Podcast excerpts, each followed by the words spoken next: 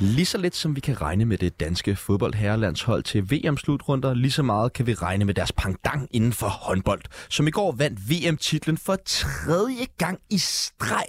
Stort tillykke skal der lyde herfra, og nyd pandekerne, som de vil stå og sætter tænderne i lige nu as we speak.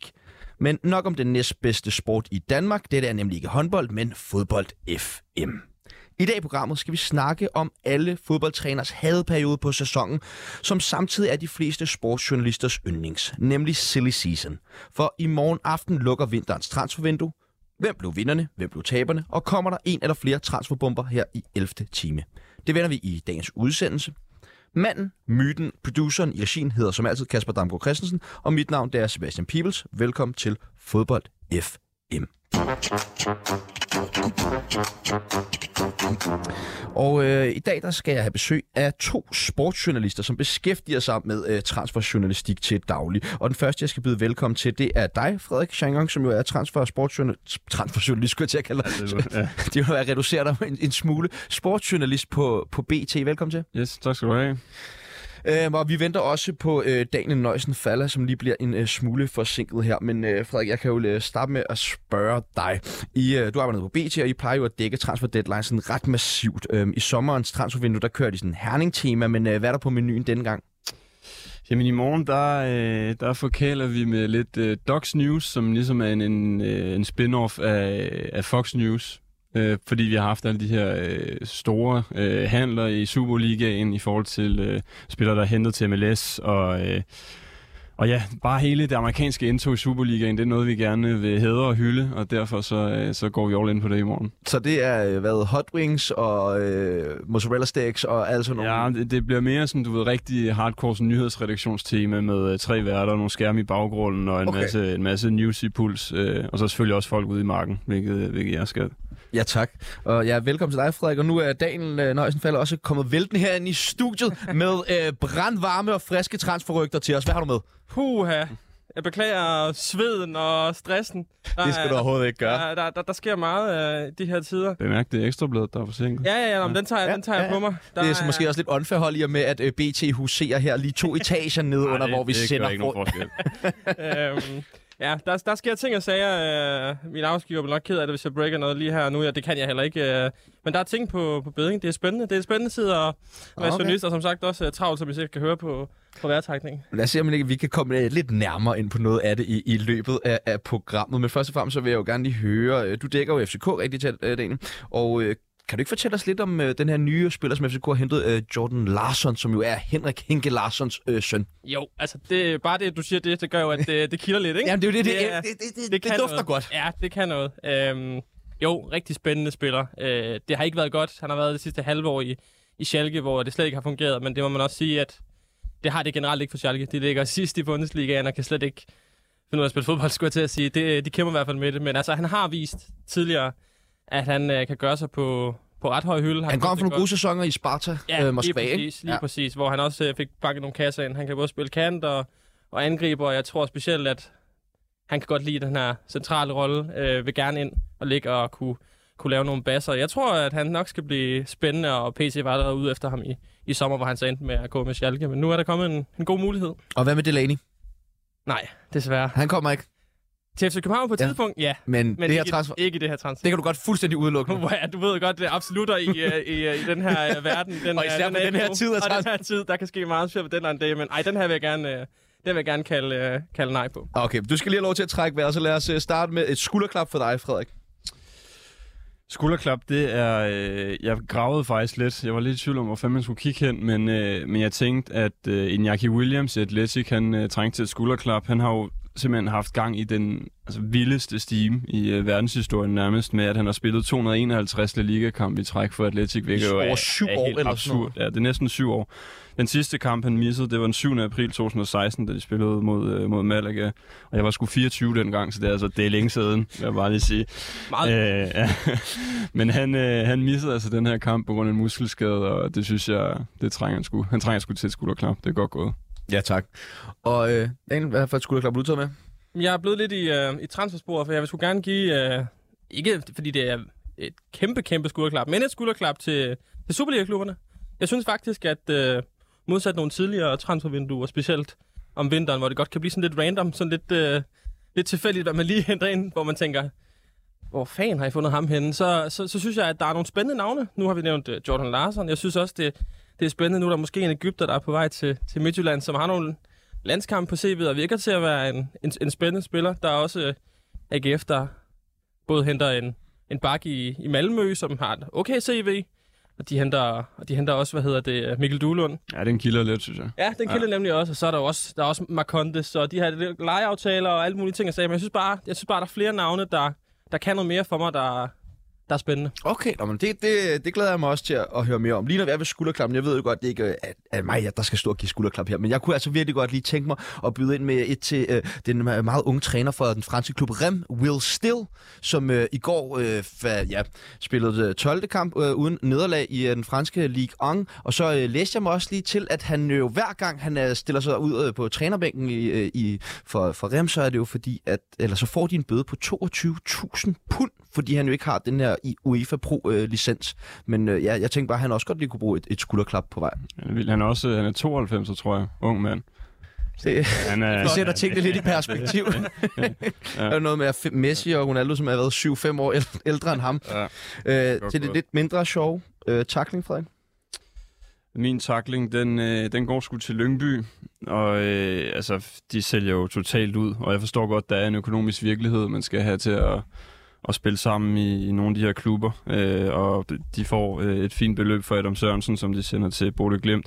Men altså, jeg synes, udefra så virker det som om, at, at man har givet op. Altså, jeg ved godt, at den sportlige situation ikke ser god ud, og de ligger i bunden af Superligaen, men men jeg synes stadig, det, det virker som et dårligt signal at sende til fans, til folk omkring klubben osv. Altså man har jo sendt både Adolf Sørensen ud, øh, som jeg nævnte før, og Magnus Vestergaard, Kasper Jørgensen, Tellufsen, Emil Nielsen. Altså virkelig mange spillere, der har forladt den her klub, og det virker ikke rigtigt som om, at man, man forsøger at erstatte dem egentlig. Så, øh, så det er en, en stor fed takling til, til Lyngby. Hvad, hvad kan du læse ud af det? Hvad tror du planen er i Lyngby?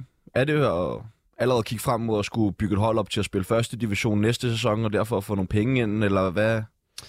Altså, jeg tror, at øh, det, er jo, det er jo selvfølgelig svært at, at spekulere om, men, men uanset hvad, så tror jeg, når du som, øh, som professionel øh, atlet, fodboldspiller, træner, whatever, sådan noget, så må du ligesom tro på, at, at det stadig godt kan lade sig gøre, selvom det ser håbløst ud.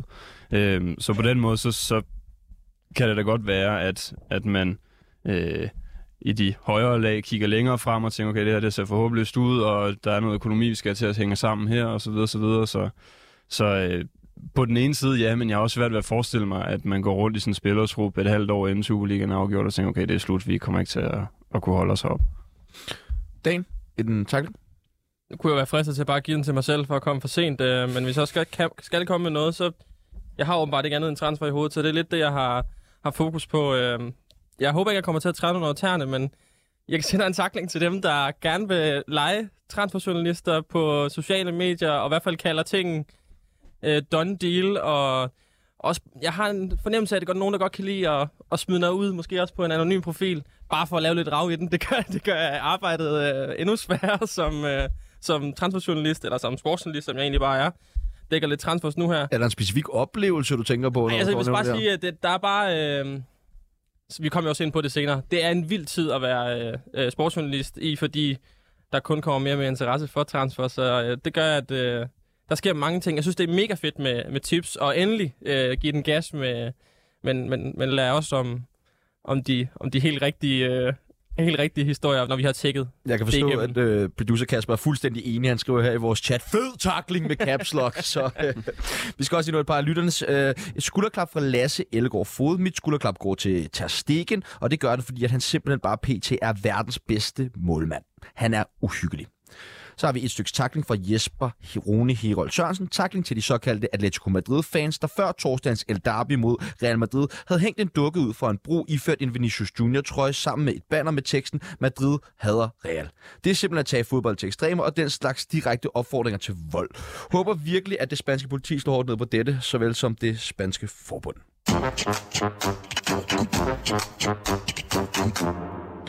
Inden vi sådan øh, for alvor dykker ned i øh, transferjournalistikkens øh, pros and cons, hvis vi kan sige det sådan, så vil jeg gerne lige starte med at hoppe hen over nogle af de friskeste nyheder. Øh, Diomande fra FC Midtjylland er blevet solgt til Sporting, uden overhovedet at have spillet en officiel kamp for FC Midtjylland. Øh, hvad tænker du om det, Frederik?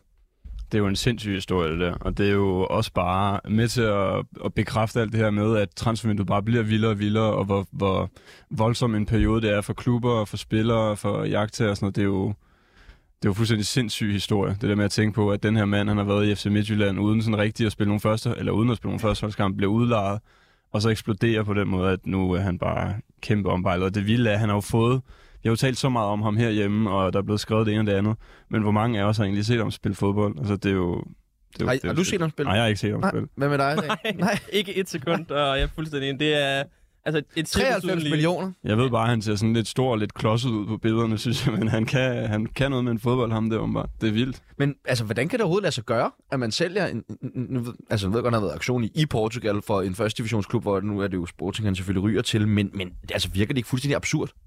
Man kan i hvert fald sige, at priserne øh, generelt, det ved vi jo, det har vi jo også set de sidste mange år, de eksploderer bare. De eksploderer specielt på unge spillere, og det handler jo også nogle gange om, at man kan se, okay, vi vil måske gerne give noget ekstra fra en, der har potentiale til noget helt vildt, fordi så kan vi få et kæmpe salg øh, i fremtiden. Og så nogle gange, så må man lægge lidt ekstra, specielt hvis der er flere klubber inde i billedet, og måske er der også lige nogle Premier League-klubber, som har rigtig mange penge og, og bare kan kaste om sig med. Ikke? Så derfor så, så bliver det, men jeg er helt enig, det, det tenderer til, til, til det helt vanvittige. Man kan jo sige, at spillere er måske i højere grad en investering, end de var for nogle år siden. Ikke? Netop i forhold til det, at der kan være en stor fed fortjeneste, hvis man, øh, hvis man handler rigtigt. Men det, altså, det vidner jo selvfølgelig også en lille smule om, at, at Superligaen også er en udviklingsliga. Og hvis der kommer en øh, stor portugisisk klub eller en stor engelsk klub, der smider en, øh, en stor check på bordet, så er det svært at sige nej.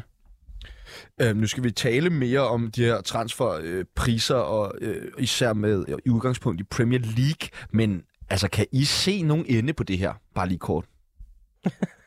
Altså, når du, når du spørger mig sådan direkte, så, så, så er mit svar egentlig nej.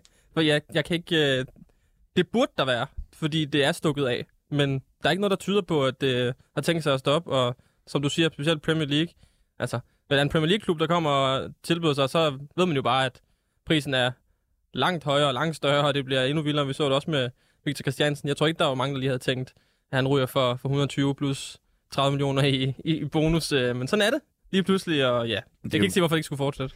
Jeg har haft det sådan lidt med, med, med transfers, ligesom jeg har haft det med boligmarkedet, så det virker som i lang tid som, at de der boligpriser, de går bare aldrig ned. Nu er det så knækket, ikke? Øh, med boligpriserne, men, men altså, jeg tror, det kræver en eller anden form for regulering, og det kommer vi måske også ind på senere, men, men så længe klubberne er frit slag til at gøre det her, og det er jo egentlig mange øh, tilfælde er en god forretning for dem, så er der jo ikke nogen Øh, grund til, at det skulle stoppe, kan man sige.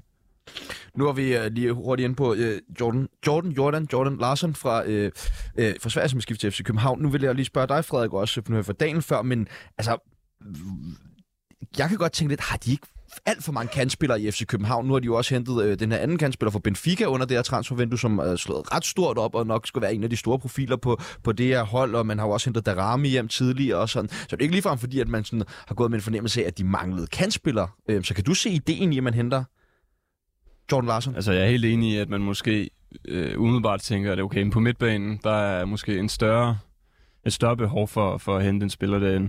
Men altså, det er jo det er øh, lidt svært at spekulere om, synes jeg. Så ved man jo ikke, der er jo også en del spillere fra det her overskudslager, som man måske håber på at komme af med. Øh, hvilket jo ikke er givet overhovedet. Fordi altså, Mukaido, Amu, alle de her øh, navne, som, som bare aldrig rigtig er slået til. Så, så øh, jo, det kan det undre mig en lille smule, men omvendt, hvis det er en spiller, som man har fuldt et stykke tid, som man har øh, en tiltro til, og som man ser et, et reelt potentiale i, i forhold til den måde, SK spiller fodbold på, og sådan noget, så, så kan jeg godt se det mening, øh, se det give mening. Men, øh, men det er nok ikke der, jeg havde hentet øh, på den position som det første i hvert fald, hvis jeg var FC København.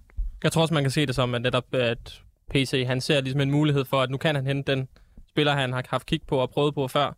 Og så er der netop det ved, ved Larsen, som jeg var inde på tidligere, at han vil rigtig gerne spille angriber. Og øh, Cornelius kan ikke spille alle kampe, og han er også en helt anden type. Øh, så nogle gange kan der være nogle kampe, hvor man også rent taktisk måske kan, kan drive fordel af at bringe øh, Larsen på toppen. En øh, anden øh, allerede bekræftet øh, transfernyhed, det er, at Brøndby i dag har hentet Rasmus Lauritsen, der skifter til klubben efter to og et halvt år i Dynamo Zagreb. Han får kontrakt til 2027 på Vestegn og bliver derfor øh, Andreas Maxøs afløser i klubben. Dan, kan du fortælle lidt om den her transfer? Øh, altså, ja, hvem, hvem er øh, Laus, Rasmus Lausen her? Jamen, han kommer jo fra Dynamo Zagreb, øh, som du siger, øh, har ikke lige spillet sådan vildt meget på det seneste, og det er også det, der ligesom gør, at han tænker, et skifte hjem øh, og til Brøndby, som jo er en stor klub hjemme, vil være et godt skifte for ham, fordi han netop kommer til at gå, jamen, gå direkte ind og skal blive en, en vigtig spiller. Men det er altså en spiller, der har, han har trods alt spillet en del derude, kommer fra Vejle, hvis jeg ikke husker forkert. Nu er der mange klubber i mit hoved hele tiden øh, øh, tidligere, ikke? Han er, ja, FC Midtjylland mener jeg, også han har været forbi mm. på et Mm. tidspunkt, ja. Og det er jo netop en spiller, som... Det er en stor klub, Zagreb. Han har spillet mange kampe. Det er, han kommer hjem med en, han, en vis klasse erfaring. Så jeg synes, at det giver, det giver rigtig god mening. Der er heller ikke noget i forhold til... Du henter altså en dansk spiller. Han kan komme hurtigt til at blive integreret. Jeg tror, at det, det giver rigtig god mening. Han kommer for de her 18,5 millioner, inklusiv øh, bonusser, og det er en øh, fornuftig pris selvfølgelig, øh, og man har brugt flere penge på, på andre spillere, så selvfølgelig en markant handel, men jeg ser det også som, det giver mening på alle måder. Ja, også en god alder, ikke? Han er ikke 26, tror jeg, så der er også noget fremtid i ham og sådan noget. Og, som sagt, jeg synes, jeg synes også, det er en af de, en af de spændende handler, der har været i den seneste uge her i Superligaen. Frederik, tror du, at øh, Brøndby kommer til at stå stærkere med øh, Lauritsen, end de gør med, med Andreas Marksø, som måske for nogen har lignet en mand, der har været på vej væk mentalt det meste af sæsonen? Det synes jeg er super svært at sige, fordi Lauritsen, han er jo lidt et spørgsmålstegn. Altså, han har et, et potentiale, og han røg ud tidligt, og Dynamo Zagreb er, op en, er også en stor klub. Altså, det skal man ikke øh, fornægte med meget pres og så videre, men, men jeg skal lige se ham først, øh, før jeg synes, man endegyldigt kan sige det ene eller det andet. Øh, der har været rigtig meget snak om Maxø, der har der været i virkelig lang tid. Men jeg synes også, man skal huske, at han har, han har nærmest været klubbens bedste spiller i, øh, i en del år efterhånden og været anfører og betydet rigtig meget for Brøndby, så jeg synes, øh, altså han skal også ind og udfylde øh, en plads om her, hvis, øh, hvis, hvis det skal være totalt status quo for Brøndby med den her, øh, det her bytte, hvis man kan sige sådan.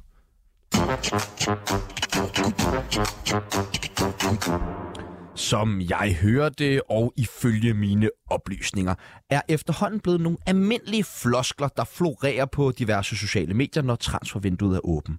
Og vinterens transfervindue øh, er når 2023 når snart sin ende, og derfor vil vi hoppe lidt ind i maskinrummet hos to sportsjournalister, der flittigt behandler transferhistorier. Øh, lad mig høre dig først, Dan. Hvordan forløber sådan en dag for dig på den her tid af, af året eller sæsonen, eller hvad vi skal... Øh, Ja, den forløber jo med, at man er meget på telefonen, og det giver jo selvfølgelig sig selv, men det er med virkelig at, at være i berøring med, med kilder, og man har jo selvfølgelig nogen, man... Hvad for nogle kilder? Kan du sådan tale lidt om, uden at du skal sætte nogle navne på selvfølgelig, men altså, hvad, hvad, hvad, hvad er det for nogle kilder, og hvor opstøver du dem og sådan nogle ting?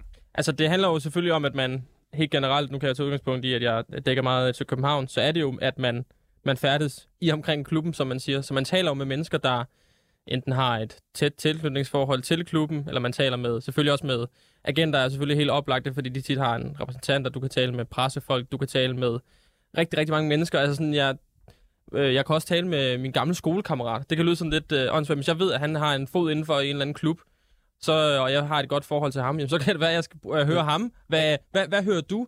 Og så er det jo så altid det her med, at Ringer du så bare ud og siger, hvad hører du? som regel har jeg måske hørt et eller andet, som jeg specifikt kan teste af på en, lad os nu bare sige en skolekammerat for eksempel, ikke? Og så, øh, så kan det være, han siger, det, det er sgu det samme, jeg hører, det vil jeg tjekke op på, hvis jeg var dig. Og så er det, jeg, som altid i den her verden, at man skal øh, dobbelttjekke, trippeltjekke det, man, øh, man har, for man gider ikke at, at komme ud med, med oplysninger, der ikke er rigtige, og der kan jo også være interesse fra, fra Men- forskellige kilder. Hvordan dobbelt, trippel tjekker man øh, rygter? Man kan sige, hvis øh, jeg har fået nogle oplysninger om, at en spiller er på vej til en klub i Danmark, så er det første, jeg som regel gør, det er jo at gå til klubben og høre, hvad er, er den god nok? Det er sjældent, de vil sige noget, men nogle gange kan man også, så kan man måske, man kan også være, at de kan være gode og sige, ved du hvad, det har ikke noget som helst på sig. Det vil jeg lægge i graven, hvis jeg var dig. Og så kan man jo så vurdere, om det er en stor fed løgn, man har fået i hovedet, eller om den er god nok. Øhm, så det er virkelig øh, svært, men øh, som huskeregel er det jo altid to uafhængige kilder. Øh, gerne tre. Men i hvert fald ikke, ikke tage, øh, tage din skolekammerat og din skolekammerats øh, gode ven, for de har det nok det samme sted fra. Men øh, have det fra to forskellige, få de samme oplysninger fra. Og så skal man altså også bare, og det skal man også bare bruge sin sunde fornuft. Nogle gange kan man godt være sådan det her det giver overhovedet ikke nogen mening, så, så gør det nok, giver det nok heller ikke mening. Hvad med dig, Frederik? Forløber din dag også på samme måde? Du lister lidt rundt omkring klubberne og ringer til nogle gamle skolekammerater, eller...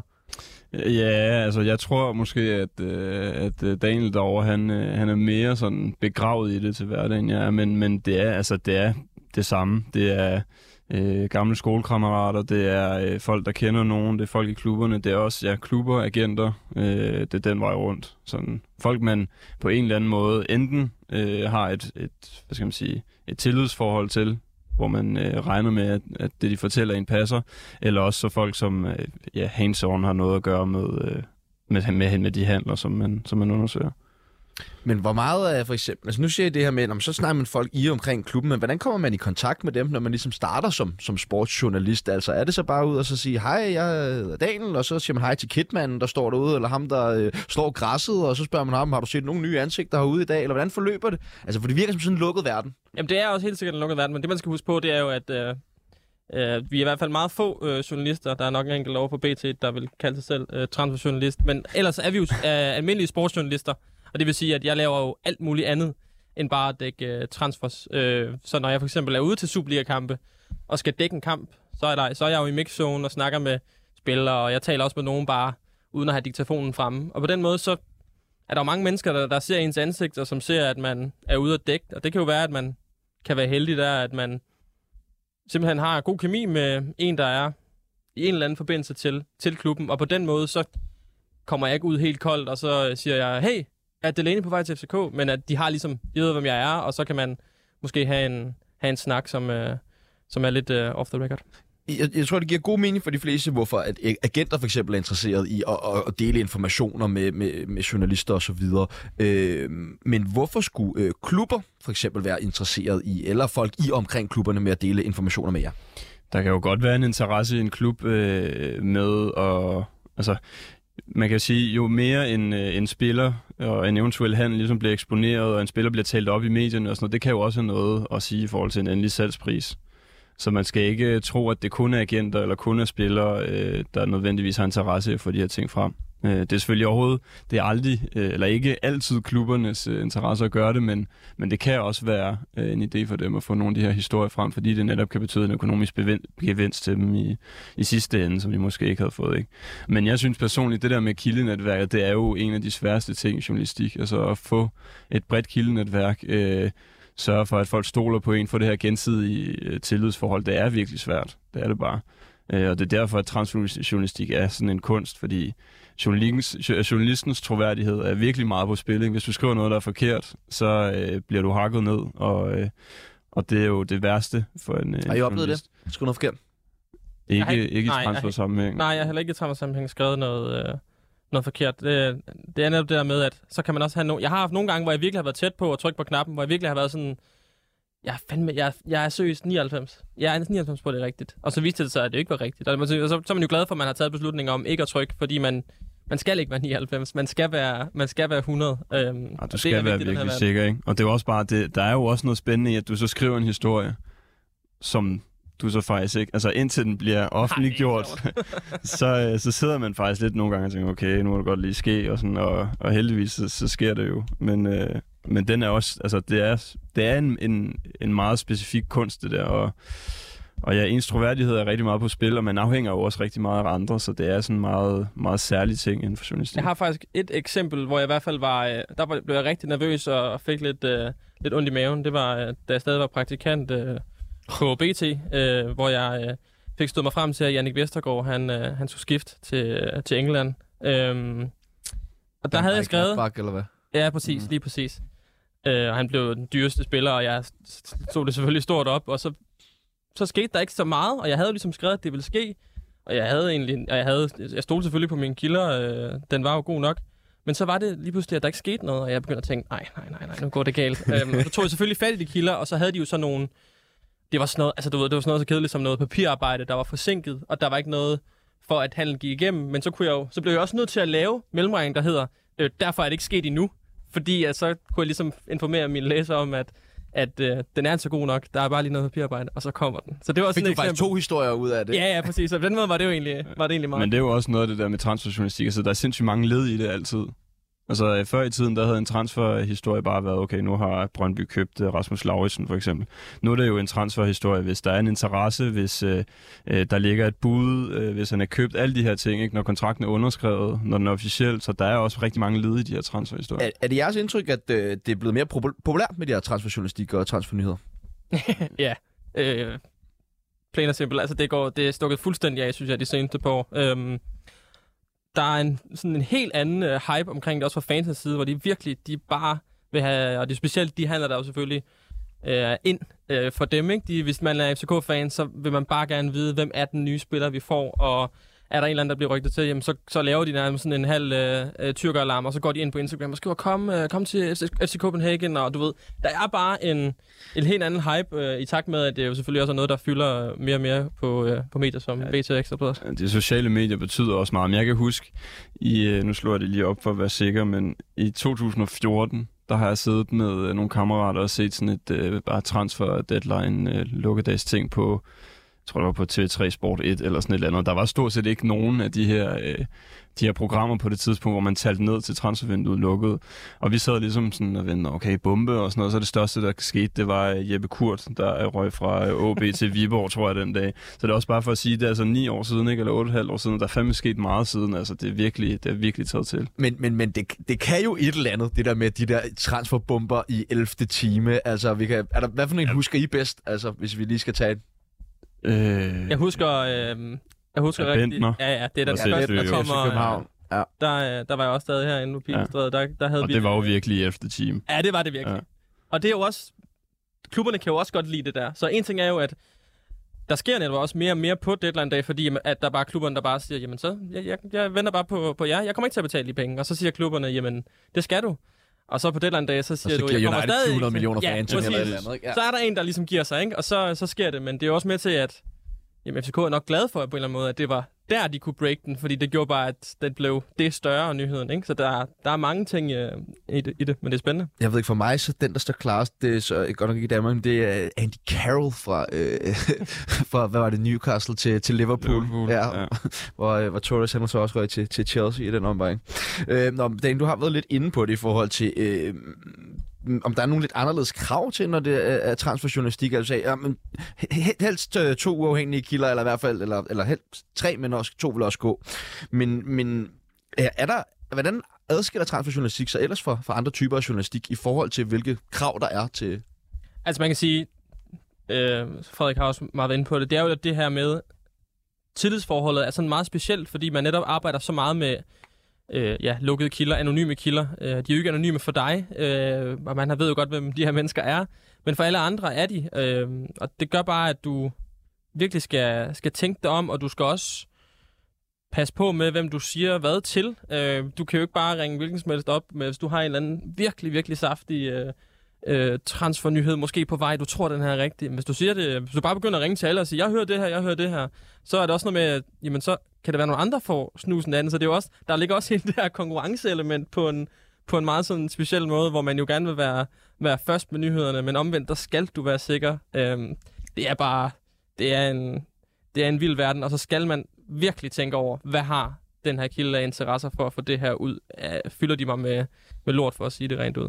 Øh, det var det sidste, jeg ville sige. Det, du sagde der, det der med at aflure folks interesser er jo virkelig vigtigt. Og så den der kamp mod uret er jo også bare, fordi man, man ved, at der med sikkerhed sidder en over på et andet medie, og enten har øh, historien eller hvad, eller tæt på, eller tæt på at skrive den og sådan noget. Så der er også øh, der er et tidsaspekt, der ikke nødvendigvis er i så mange andre øh, aspekter af journalistikken.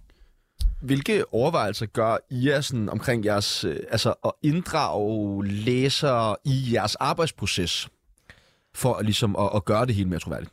Jamen det er jo klart, at jo mere man kan ligesom fortælle, øh, jo mere troværdigt er det jo, som du siger. Øh, så det er jo også nogle gange med at øh, ligesom fortælle, at øh, hvis man netop kan for eksempel sige, øh, lad os nu sige, at Jordan Larsen ikke var officielt nu, men netop kan kvalificere, at prøv her, det er ikke engang første gang, at øh, FC København var De prøvede også i, i sommer og ligesom komme med, man vil jo gerne give detaljer, men det er også vigtigt, at, og det allervigtigste, og det er det jo generelt i journalistikken, det er, at man øh, beskytter sin, øh, sine kilder, øh, fordi ellers så, så har du ingenting.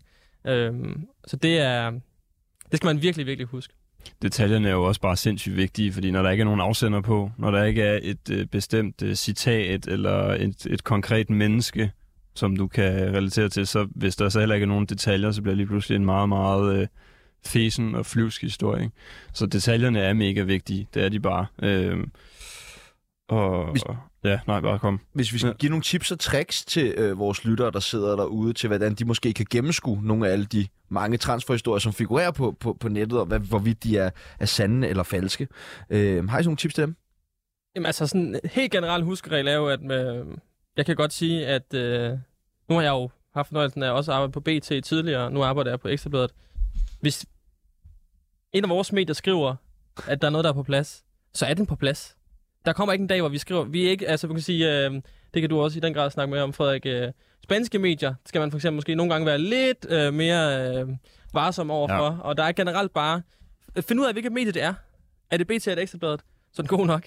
Er det uh, The Sun i England, så skal det også være lidt mere, end hvis det er Telegraph, der skriver det. Så der er Mm. måske uh, undersøge, uh, undersøge mediet og deres uh, ry og rygte, fordi nogen er meget hurtige til at slippe det ud, og nogen er meget sådan, hvad kan man sige, opmærksom på, at de har sådan en troværdighed, der er på spil. Klart, og det er også, altså der, nu bliver jeg lidt nørdet det her, nu skal jeg ikke kede med det for lang tid, men der er jo også noget journalistisk kultur i det. Altså netop det der, som Daniel siger med Spanien for eksempel, der er jo øh, øh fire, seks forskellige sportsaviser, der skal skrive øh, 30, dages, øh, 30 sider stof om dagen og sådan noget, ikke? og så der bliver måske øh, skudt med lidt løse påstande imellem, øh, hvor de så måske også øh, skriver dem på en anden måde, så ikke skriver, at det er done deal, og det kommer til at ske, men, men der skal man måske tage det mere med et grænsalt, end man skal herhjemme. Altså mit indtryk er, at, at langt de fleste selvopdyrkede historier her i Danmark, de, de ender med at være, være altså at passe simpelthen. Så er der noget andet i forhold til at citere andre medier fra udlandet og sådan noget, der skal man måske passe lidt mere på. Øh, inden vi øh, hopper videre og kigger lidt mere konkret ned i nogle øh, rygter og transferhistorier, så gad jeg godt lige høre jer. Der er jo den her nærmest øh, mytiske figur efterhånden på sociale medier, Fabrizio Romano. Jo, hvilken betydning har han haft for transferjournalistikken øh, generelt? Han har jo gjort det til, på en eller anden måde gjort det til en ting at være transferjournalist, ikke? Altså, øh, der var jo ikke på den måde folk, der nærmest udelukkende brandede sig på transferjournalistik for nogle år siden. Og det har han jo virkelig øh, gjort noget ved. Altså, øh, jeg ved ikke, hvor mange millioner følgere det er, han har. Men det er jo også bare, altså hans ord bliver nærmest taget for gode varer, uanset hvad han skriver. Han har for det meste også styr på sit shit, må man sige. Så han har jo betydet noget. Han er jo sådan, øh, ja, han er jo den største stjerne inden for det der.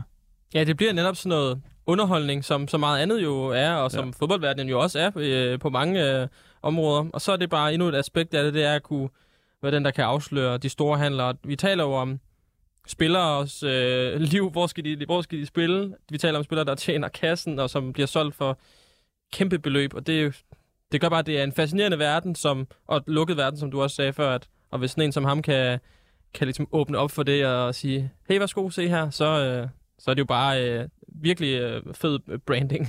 Han har jo været med til også til at gøre det til et produkt på en eller anden måde. Altså øh, transfervinduet som et produkt, man dyrker, og som øh, vi herhjemme og medier også verden over begyndt at, at dyrke mere, både altså, i forhold til afsløringerne, men også på deadline-dag, hvor man så mange øh, sender live-tv, ligesom vi øh, for eksempel gør i morgen tirsdag og sådan noget. Så det, det, han er med til at gøre det til, til et produkt på en eller anden måde, transfervinduet. Det er blevet, næsten blevet sådan et separat aspekt af fodboldverdenen. Det er ligesom noget for sig selv, kan man sige.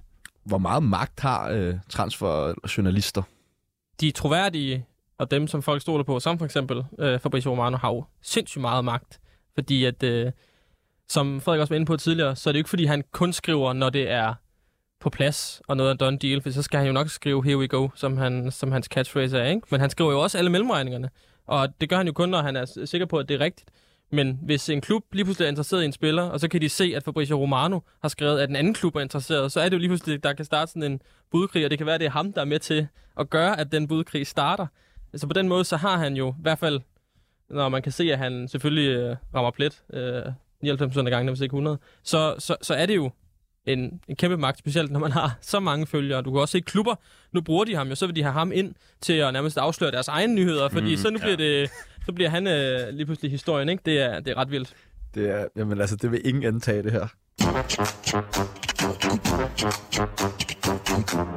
Nu har vi allerede vendt et par øh, transferhistorier fra Superligaen, men hvis vi nu tager en tur op i helikopteren, øh, hvilke handler står så klarest i jeres øh, rendringer i løbet af det her transfervindue? Jamen, jeg synes, øh, altså snakker vi Danmark, snakker vi internationalt, snakker Jamen vi... øh, lad os starte med, med Danmark, så kan vi måske lige prøve at kigge lidt øh, ud bagefter. Øh, ja, det kunne for eksempel være VK til, til Ja, Leicester, er eller jo- Schellerup til Benfica. Dem Der, er, Ja. jeg, jeg ærger mig virkelig over, at Sjællerup han røg til Benfica. Altså ikke fordi jeg er Nordsjælland-fan på den måde, men han var bare en fed spiller. Jeg ville gerne have set ham lige et halvt år mere. Altså det vil jeg gerne. Også fordi det går efter Nordsjælland, som det gør nu, og de ligger nummer et og sådan noget. Så han er...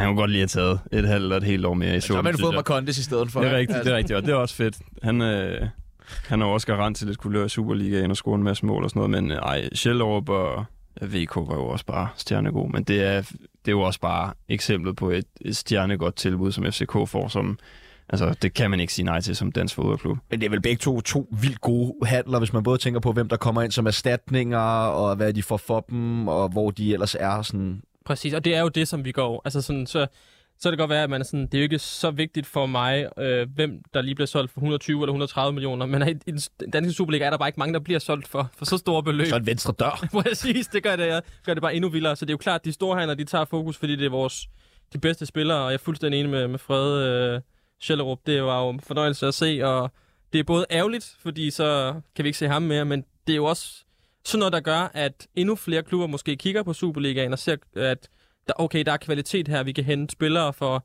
for nogle klubber. Ikke så vildt mange penge, men for os øh, i Superligaen rigtig mange penge, og det tegner jo også godt i forhold til, at vi kan have hvis en øh, venstre dør, som du siger, kan gå for, for 100, 120 plus det løse øh, øh, til Premier League, så er det nok ikke sidste gang jo. En øh, handel, vi ikke har talt øh, om overhovedet her i fodbold faktisk, det er øh, Evander, som jo er rådet til, til Portland. Øh, en handel, som jeg personligt måske fra hans perspektiv har haft lidt svært ved ligesom at kunne forstå. Øh, for jeg har været skruet op til, at han skulle tage det her næste skridt op fra FC Midtjylland. Og, øh, fordi, øh, og det har jo været i lang tid nu, at man ligesom har snakket om det. Og så ender det med, med Portland, hvor det måske spillemæssigt, altså jeg skal ikke kunne sige, om der er noget økonomi, som selvfølgelig taler, taler for det, men, men spillemæssigt må man jo sige, er væsentligt et stykke fra, fra FC Midtjylland, som jo også højst sandsynligt skal konkurrere om en eller anden form for europæisk i næste sæson. Øh, hvad, hvad tænker I om det? Jeg er meget enig. Altså, øh, han, især fordi netop han har jo været rygtet øh, væk så mange gange, og nu kan jeg ikke lige hans alder på stående fod, hvad er han 4-25 eller sådan noget. Og han har jo netop en alder, hvor han skal ud på papir ud i Europa, en større liga, en større klub, øh, prøve sig af, alle de her ting. Så der må have været noget, øh, noget økonomi i det. Det kan også være, du ved, personlige ting, eventyr, USA. Øh, jeg kan da også godt forstå, at det er appellerende for en spiller til til USA, men hvis jeg var i vandre, så havde jeg nok foretrukket at vente 5, 6, 7, 8 år, inden øh, jeg skulle derover. Ja, for der har været sådan, både snak om noget anderlægt og Brygge og sådan nogle ting på et tidspunkt. Øh, men ja, øh, en, en anden handel, eller en anden øh, transferhistorie, som måske nok har været den mest, øh, hvad skal man sige, pikante, øh, vi har haft herhjemme, det har været hele den her sag omkring Matthew Ryan fra, fra FC København. Øh, den har vi heller ikke fået, fået vendt herinde, men Dan, vil du lige sætte nogle ord på det? Nu dækker du FC København. Jamen altså, det er jo øh, en ret... Det, der udvikler sig til at være ret dramatisk og sådan ret... Øh, ja, sådan lidt halvgrimt til sidst egentlig. Ikke fordi, at der på den måde var, øh, hvad kan man sige, totalt dårlige vibes og blev smækket totalt med dørene, men Matthew Ryan var en spiller, der, en målmand, der kom ind på et tidspunkt, hvor Kamil Grabater var skadet, og de havde brug for en, en dygtig keeper, øh, og det får de ind, og han, øh, han gør det rigtig godt, og er blandt andet med til at gøre, at de kommer i, i Champions League-gruppespillet. Jeg kan huske, at jeg var nede, og, nede i, i Tyrkiet og se ham øh, mod Trabzonspor, hvor han stod en rigtig, rigtig god kamp og havde nogle vilde redninger. Så på den måde var rigtig vigtig. Men i det øjeblik, at Kamil Grabater kom tilbage øh, fra sin skade, så stod han, og så var der jo alt det her under VM, hvor det lige pludselig stak af, og Matthew Ryan indikerede, at det var af politiske årsager, at Grabata stod, fordi han måske skulle stå over for et salg på et tidspunkt, og derfor skulle spille. Øh, og Grabata han fik stukket godt og grundigt tilbage, som vi kender Grabata bedst, efter at Ryan han, øh, han droppede under, under VM. Og så, så bliver det bare sådan lidt grimt med to øh, virkelig, virkelig dygtige keepere, som tydeligvis ikke har det særlig godt med hinanden, og heller ikke gjorde det. De gjorde det også meget klart over for os, at der var et meget, meget professionelt forhold, ellers var der, var der kold luft. Øh, det er jo bare sådan lidt øh, fedt for sådan nogle medier som os, så godt kan lide lidt, øh, lidt drama og lidt, øh, lidt splid. Det er en god historie, vi gerne vil, vil skrive og, og fortælle om, men øh, ja, så, så måtte han øh, afsted igen, og det er jo, han røg til Alkmaar. På den måde, så er der ikke gået det værste af, af, af Ryan, men øh, jeg tror, at han havde forestillet sig, at det havde været lidt andet ophold, end den med at blive.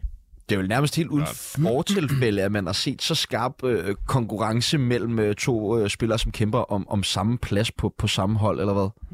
Ja, det er enig. Og det, jeg synes, det var mega fed rivalisering, og det pyntede det også sindssygt meget på Superligaen og dansk fodbold, at de var der. Og til at starte med, der tænkte jeg, øh, altså, hvorfor henter de Matthew? Altså, det er dømt til at gå galt, det der, når, øh, når Grabata er tilbage, og de har de der to øh, målmænd. Og man må bare sige, at Matthew Ryan gjorde det jo pissegodt også.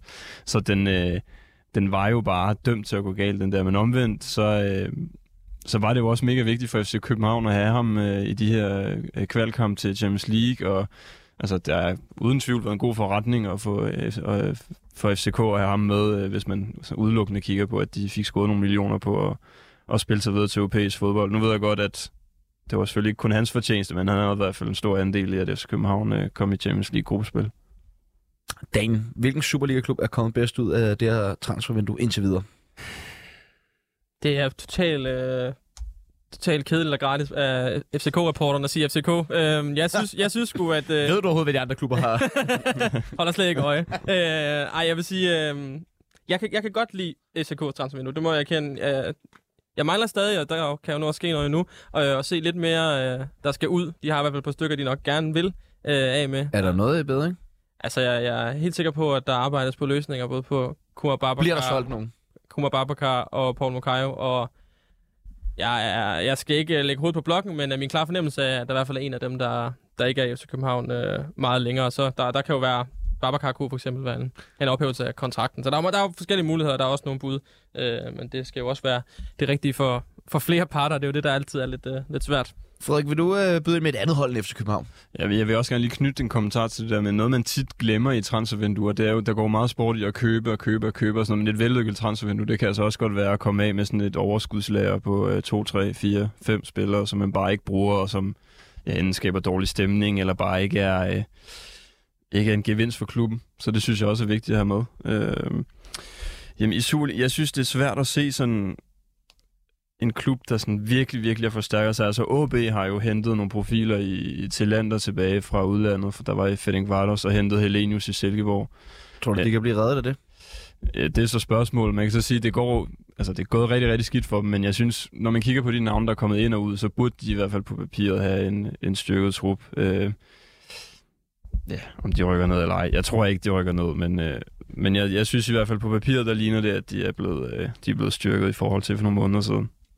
Der er også en ting, man bare sådan skal huske i forbindelse med, hvad er et vellykket transfervindue, fordi fans vil jo helt sikkert bare sådan kigge på, hvad er røget ud af kvalitet, og hvad er kommet ind af kvalitet. Men hvis du er sportsdirektør, så er der jo netop, øh, som du siger, der kan være nogle spillere, man, hvor det ved fansene måske ikke vildt meget om, som man har brug for, ryger, fordi det skaber et dårligt miljø. Der er helt sikkert også en økonomi, der er rigtig, rigtig vigtig, og så kan det godt være, at fans ikke går så meget op i, om det ender i et lille plus eller et lille minus eller sådan noget, men der kan altså være nogle ejere i nogle klubber, som virkelig bare siger, prøv her, vi skal ud af det her transfervindue, og det skal vi med ordentligt plus på kontoen, vi skal have et stort stald, og så skal det, så er det, øh, hvad kan man sige, succeskriteriet, men øh, jeg ved godt, hvad fansene vil, og de vil jo bare have, have en masse af kvalitet ind. Frederik, hvilken klub er allermest travlt øh, i Superligaen i det kommende døgn? Jeg tror, at FC Midtjylland får lidt travlt. Øh, Evander ude, og øh, Drejer også ude. To store profiler for det her hold, så jeg tror, de arbejder benhårdt på at, at få noget, eller jeg ved, de arbejder benhårdt på at få noget ind. Om det så lykkes, det er en helt anden snak, men, øh, men for mig at se, der trænger FC Midtjylland til at... Ved du, hvilke Det er spillere, der er op at vinde? Jamen, der har jo været meget snak om ham, den egyptiske midtbanespiller, som jeg nu ikke lige kan huske, hvad hedder. Ashur, Øh, jeg, det udtales. ja. som spiller i Zamalek øh, og landsholdsspiller og sådan noget. Jeg må være ærligt erkende, jeg ved ikke øh, særlig meget om ham, øh, udover de, de få ting, øh, man lige har læst. Men, øh, men ja, ellers så er det spændende at se, om de får, om de får hentet noget ind. Det er i hvert fald på papiret to store navne, som, øh, som er smuttet. Evander var måske, øh, måske til at forudse, men Drejer, det tror jeg ikke, der var så mange, der regnede med, at han skulle væk nu. Nej, der havde man den frikøbsklausul, der ligesom gjorde, at øh, Præcis. der var ikke så, så, så meget at gøre. Øh, står med telefonen i hånden nu, Daniel. Er der Ja. noget, der er kommet ind? Ah, nej, der er ikke noget, der Nå, oh, okay. okay. Jeg skal bare lige være sikker på, at, at det ikke var noget, der netop bare... Øh, Romanus bare skriver noget om ind. Midtjylland. om der lige kommer et eller andet. Øhm, Ej, Daniel, faktisk noget, jeg lige gerne vil høre dig om, øh, lige inden vi hopper videre og prøver at kigge øh, lidt til udlandet, det er, øh, hvorfor, ved du noget om, hvorfor FCK ikke vil sælge Haraldsson øh, til, til Salzburg, som jo har været ret ivrig efter at få fat i ham i deres transfervindue? det handler først og fremmest om, at de tror på mere med Haraldsson. Øh, de ser ikke, at han er færdig i FC København. De tror, at han kan, hvad kan man sige, brænde banen endnu mere af. Øh, jeg skrev en historie, som jeg kan forstå, at der er mange, der har mange holdninger til, men øh, som jeg siger, jeg skriver ikke historier, jeg ikke er sikker på. Øh, og som jeg skrev historien, så var det, at Salzburg havde budt tæt på 100 millioner, inklusive bonusser. Og så kan man jo læse det ind i, hvad man vil. Øh, men det er lige præcis, øh, hvad FC København sagde, sagde nej til. Øh, de tror på, at de kan få mere. De tror på, at øh, han... Tror- Og de vil også rigtig, rigtig gerne beholde ham nu, så han er simpelthen bare ikke til salg. Kan I forstå det? Jeg, jeg må indrømme, det er en lille smule uforstående overfor. Ja. Jeg synes, øh, nu siger du, at han kan brænde banen endnu mere. Jeg synes stadig, han mangler at brænde banen af overhovedet. Øh, men, Jeg er lidt enig faktisk, men... Jeg Øh, vil sige, at det har heller ikke været sådan helt... Øh, han har nogle udfald, øh, og han har nogle kampe, hvor han virkelig ikke er sådan øh, vildt god. Men potentialet er der ikke nogen tvivl om, hvad de mener i FC København. Hvis du spørger Jakob Næstrup, så er han altså på månen over, hvor god øh, Håkon Haraldsson han er. Øh, han kan- elsker også bare at bruge ham som falsk nier, øh, og det er ikke engang, der han sådan rigtig spiller. Øh, jeg tror, at øh, han kommer til at, at, at blive en stor profil for, for FC København i det, her, øh, i det her forår. Og så kan man jo så sige, så kommer der måske et endnu større bud. Hvem ved? Husk nu også, øh, når jeg siger tæt på 100 millioner, inklusive bonusser, ikke? Det øh, betyder ikke, at der ligger 100 millioner lige nu her. Ja, tak. Nå, hvis øh, vi lige vender øh, blikket ud mod øh, det store udland. Hvad for en øh, transfer er så den øh, mest i øjenfaldende for jer? Jeg synes, øh, Modric til Chelsea må, må tage prisen. Øh, øh, vanvittig handel jo. En mand, der har øh, spillet øh, 44 kampe, øh, førsteholdskampe i sin karriere, der bliver solgt for, ja, nu kan jeg faktisk ikke huske, hvor meget han bliver solgt for, men det er 100 millioner euro, det er ikke- er det ikke 750 Jo, millioner kroner-agtigt?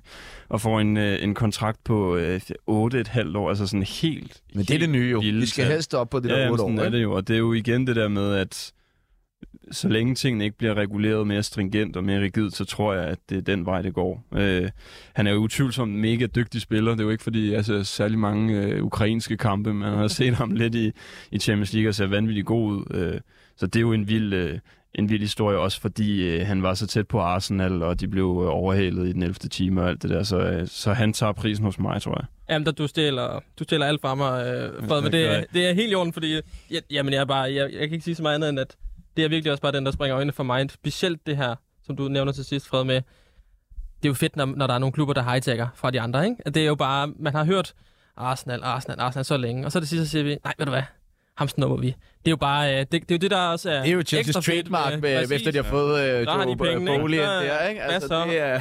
Og som vi siger, så lange kontrakter, altså jeg kan slet ikke forstå, at man... Øh, Ej, det er sindssygt. jamen, altså, otte år, hvad snakker I om? Apropos det med hijack, jeg så en øh, utrolig sjov øh, video fra Bleacher Report øh, med øh, om det, Chelseas nye ejer, hvor at øh, de ligesom videoen handler om, at det er Ten Hag og Guardiola og Arteta, som øh, med vilje pitcher de her spillere ind, fordi at han så overvåger dem, og så ender han så med at købe alle de her spillere, så de kupper ham ligesom til at, at gøre det. Det er sjovt at gå ind og se, den ligger på Bleacher Reports Instagram. Øh, men øh, det er vel meget symptomatisk for det her Chelsea med den her Mudrik-handel, altså de bare springer bakken for en eller anden spiller, der har spillet 42 kampe i, i Shakhtar, altså der var også Rav Felix er også kommet ind her. Altså de, hvad er det, syv spillere eller sådan noget, de har hentet Jeg har også lige hentet en Lionbak, der er 19 der, der også Som- har som spillet de en anden sæson. for 300 millioner, tror ja. Jeg det var, som de så lejer tilbage til øh, Lyon, ja. selvom han har kontraktudløb til sommer. Altså, der er et eller andet der. Jeg tror faktisk, at han havde øh, kontraktudløb året efter, så vidt jeg kunne læse mig til. Han forlængede den med et år for nylig. Øhm, men det er stadigvæk sindssygt mange penge for Malo Gusto, havde han, og øh, nu ser jeg jo lidt fransk fodbold, og altså, han har ikke været specielt god den her sæson. Lyon er lige et hold, der sejler og sådan noget. Men det er jo igen, det er bare eksemplet på, at du betaler for potentialet. Og ham her, han kan øh, formentlig et eller andet, men, men lige nu må man også bare sige, at pengene de sidder lidt løst øh, i Chelsea. Og øh, ja, så må man jo... Det kan jo godt være, at det viser sig at være en god investering i sidste ende, men, men det, det er jo helt vanvittigt, det der med, at de har brugt, hvad er det, knap 4 milliarder kroner siden øh, sommer sidste år. Og det er, jo, det er jo den vej, det går, altså. Men jeg, Når det der, bliver ekstremt i hvert fald. nu spørger jeg øh, helt blot, men hvad, hvad, var der ikke noget, der hedder Financial Fair Play på et tidspunkt? Jeg spørger mig selv om det, om det samme, og jeg er slet ikke nok inde i det til at kunne forstå, hvorfor det ikke, øh, hvad kan man sige, er et brud på, ja, på, på lige altså. præcis øh, de regler. Det kan jo også være, som det har været så mange gange før, at det er lidt den der med, at så får man en straf. Men der er Senere. gjort noget ved den. Også. Og så- ja, og som ja, ja, så- måske ikke er stor nok til, at den egentlig betyder Præcis. noget. Og så appellerer de den, og så har de fået ikke noget transferforbud alligevel. Og, altså, jeg forstår. Der, der, må jeg, der må jeg bare... Øh, nu kan godt være, at jeg er sportsjournalist og dækker, øh, dækker sådan noget. Det kan være, jeg skal prøve at sætte mig Men det dybt er også ind i det, men det er bare dybt underligt. Men der er jo også mange smuthuller i det her, og noget med, så er der nogen, der bliver hentet på leje, og så bliver det først betalt året efter, og alle de her ting. Ikke? Og så ved jeg ikke, om det påvirker England stadigvæk. Det skal jeg ikke gøre mig klog på, men i Frankrig i hvert fald, der var jo det her med, at Financial Fair Play på en eller anden måde blev suspenderet et par år under corona, fordi at klubberne ikke tjente så mange penge, som de plejede og sådan noget. Så altså, udefra, og igen for en, der ikke er ekspert det, så virker det som om, at det bare ikke rigtig bliver håndhævet, de her regler, eller at der i hvert fald er nogle smuthuller, der så åbenlyst er forkerte, hvis man i hvert fald gerne vil have det her system, der gør, at det bare er mærkeligt, altså at det her kan lade sig gøre. Tidligere i dag så blev der jo øh, kraftet en anden stor handel øh, fra de engelske, hvor Joao Cancelo røg til øh, Bayern München. Altså, Kom den lige så meget ud af det blå for jer, som den gjorde for mig? Ja, ja, det var... Altså, Jeg forstod ingenting. Nej, jeg forstod det. jeg, jeg havde mit uh, tweet-dæk uh, åbent, som jeg har, så jeg kan følge med i sådan det seneste, når der, når der tækker noget ind. Og da jeg sådan lige kiggede, så skulle jeg lige kigge igen, og så var jeg sådan... Jamen, det, er- men det er også bare helt vildt, hvad der, hvad der er sket med ham. Øh, fra at være sådan kæmpe profil og blev brugt helt konstant, så var han lige pludselig helt ude, og jamen, jeg kan ikke, altså, det var også med en købsoption til, til Bayern, så det virker som om, at nå, det er bare, det er bare slut. Det er- viser også, hvor hurtigt det kan gå i fodbold. Ja, det går så hurtigt. jeg, altså, jeg forstår det ikke, fordi at, øh, han har jo spillet, startet ind øh, de første, tre første kampe efter, eller fire kampe efter VM-slutrunden, og så lige pludselig så skiftede Chelsea formation, så skulle de eller ikke, Chelsea, undskyld, City formation, så brugte de ikke bakker mere, og så blev han blevet solgt. Ja. Men jeg forstår det heller ikke. Altså- Han er også, og han er også bare en fed bak. Altså, han er Ja, så teknisk, han er vanvittig, han er så fed at se Og. City er jo skrevet på baks i, i flere år jo, altså, og både med, ja, nå. Jeg fik også mistanke er om, der, om, der, altså, om der er et eller andet, du ved. Om der er et eller andet disciplinært, eller der er sket Ja, et eller andet, det der har gjort, at det virker i hvert fald meget sådan drastisk, at der lige er sket en, en, en ændring, der er vildt. God handel for Bayern, må man sige. Umiddelbart. Så er der jo også rygter om øh, den øh, United-spilleren Harry Maguire anfører i Manchester United skal på vej til Inter Milan. Hvad ligger i det? Jamen, øh, nu har jeg ikke lige, faktisk ikke lige set, hvem der er, der skriver det, så der, der, der, kan man, der skal man jo huske altid lige at starte, hvad, er- hvad, hvad er mediet. Men, men uanset hvad, så øh, kan man sige, at øh, jeg kan jo ikke sætte mig ind i Harry Maguires hoved, og jeg ved ikke, hvad, hvordan det er at være Harry Maguire. Der burde altså være plads til det. ja, ja, præcis. Øh, Jeg kan godt forstå, at han vil væk, kan man ikke det? jo, altså, uha, det, det, Ja, her, det er man, hårdt. Hvis man kigger på øh, engelske midterforsvar, der har taget turen til Italien over de seneste par år, så er der jo mange, der har gjort det med stor succes. Altså Chris Smalling, Tomori, øhm, bare for at nævne par stykker. Præcis, og øh, det kunne godt øh, virke som om, at luftforandring kunne måske gøre en, en forskel, fordi øh, der er jo ingen tvivl om, at, at øh, der ligger en hel masse kvalitet i ham, men det virker også som om, at der ja, helt rent mentalt har været øh, hvad kan man sige, udfordringer, og det er ikke nemt at være øh, hvad kan man sige, anfører og øh, tidligere anfører og hvad kan man sige, spil, spiller i United helt generelt, fordi der er et tryk som nærmest ingen anden klub. Men, men kan man overhovedet finde på, hvis man er en klub som United, også sælge en, en spiller som, øh, hvad nu hedder, Harry Maguire på det her tidspunkt? A, a, altså en dag inden transfervinduet det lukker, fordi man vil jo højst sandsynligt skulle have brug for en erstatning. Altså, hvad, hvad, hvad tror I, der foregår i sådan en fodboldklub på sådan et tidspunkt, hvis man modtager et bud for eksempel ham?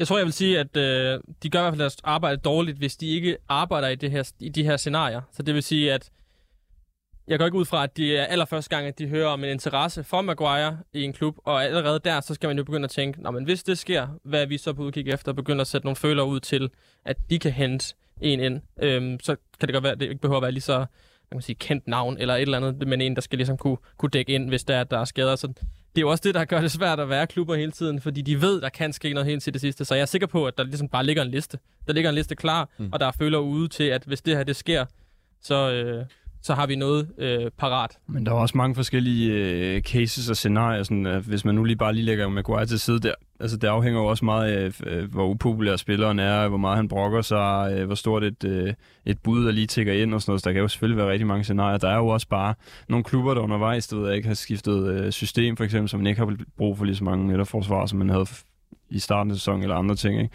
der ligger for. Men, øh, men ja, men de, altså, hvis man... Jeg har også svært ved at se en, en, en klub som United sige ja til det her, hvis man mener, at man skal bruge ham sådan det næste halve Ja. år. Det vil jo være at skyde sig selv i foden totalt. Vi når desværre ikke mere i dagens program. Og udover jo, jeg har lige lovet at spørge for producer Kasper, ved I noget om Rasmus Højlund? Ja, altså ved vi noget i forhold til, om han skifter? Ja. At der vil jeg sige, at øh, jeg, kan, jeg kan godt øh, danse rundt herinde i undertøj, eller det der er mindre, hvis han skifter til Real Madrid eller Barcelona, hvis det er det, der hentydes til. Øh, man skal også huske, at han er allerede i gang med sin anden klub, så hvis han skifter, så kan Ja, han, han, han kan ikke spille, det er faktisk Øh, jeg ved så ikke, om man vil sige, vil man måske sige ja til Real Madrid, hvis øh, de kommer og tilbyder sig. Jeg tror i hvert fald, man lige skal, skal huske, der, nogle gange, så skal man lige tage med græns salt, men hey, han står der helt sikkert på en liste. Ja, det står gør han på listen Men, igen, men så er det igen, der står på en liste. Hvor står han hen på den der Præcis. liste, og hvor mange andre navne står der på listen? Han ikke? skifter ikke. Tusind, tusind tak til Daniel Nøjsen Falla fra Ekstrabladet og til Frederik Changong fra BT. Og øh, mit navn er Sebastian Pibels, og nu er det tid til nyheder.